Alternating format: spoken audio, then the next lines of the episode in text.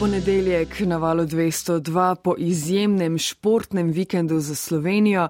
Eh, čestitke vsem našim orlom in našim politikom, ki so se uspešno priklopili v idealen vikend za nabiranje točk.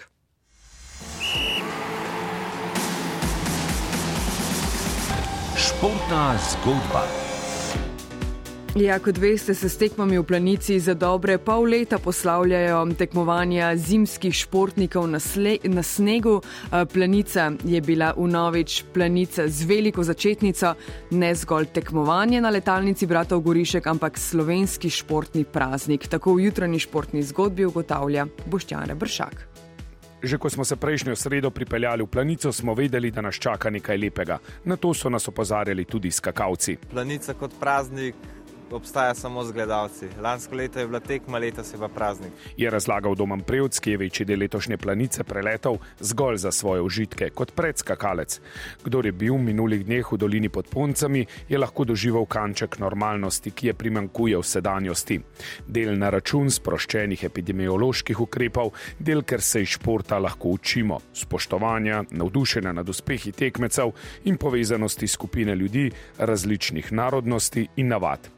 Planica se je znova usidrala v srca skakalcev, ki so si dali duška. Japonci ob slavju Jurjoju Jakobajašija zmago v svetovnem pokalu, Norvežani zmago na zadnji tekmi sezone olimpijskega prvaka in svetovnega prvaka v poletjih Mariusa Lindvika, Avstrici zmago v pokalu narodov, Slovenci pa so tako ali tako minuli konec tedna praznovali vsak dan.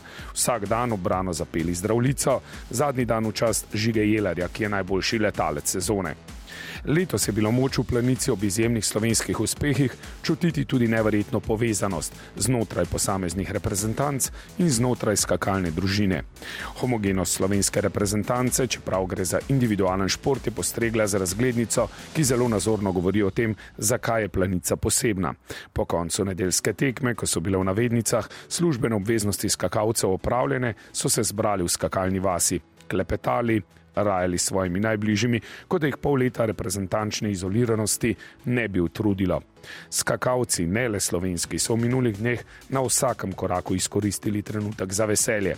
Ko dodamo še prekrasno sončno vreme, z belimi vrhovi vršacev je slika popolna. 60 tisoč obiskovalcev je izkoristilo vsaj en dan za odklop in prepričan sem, da ni niti enega, ki bi mu bilo žal, da je letos doživel planico v pravem pomenu besede.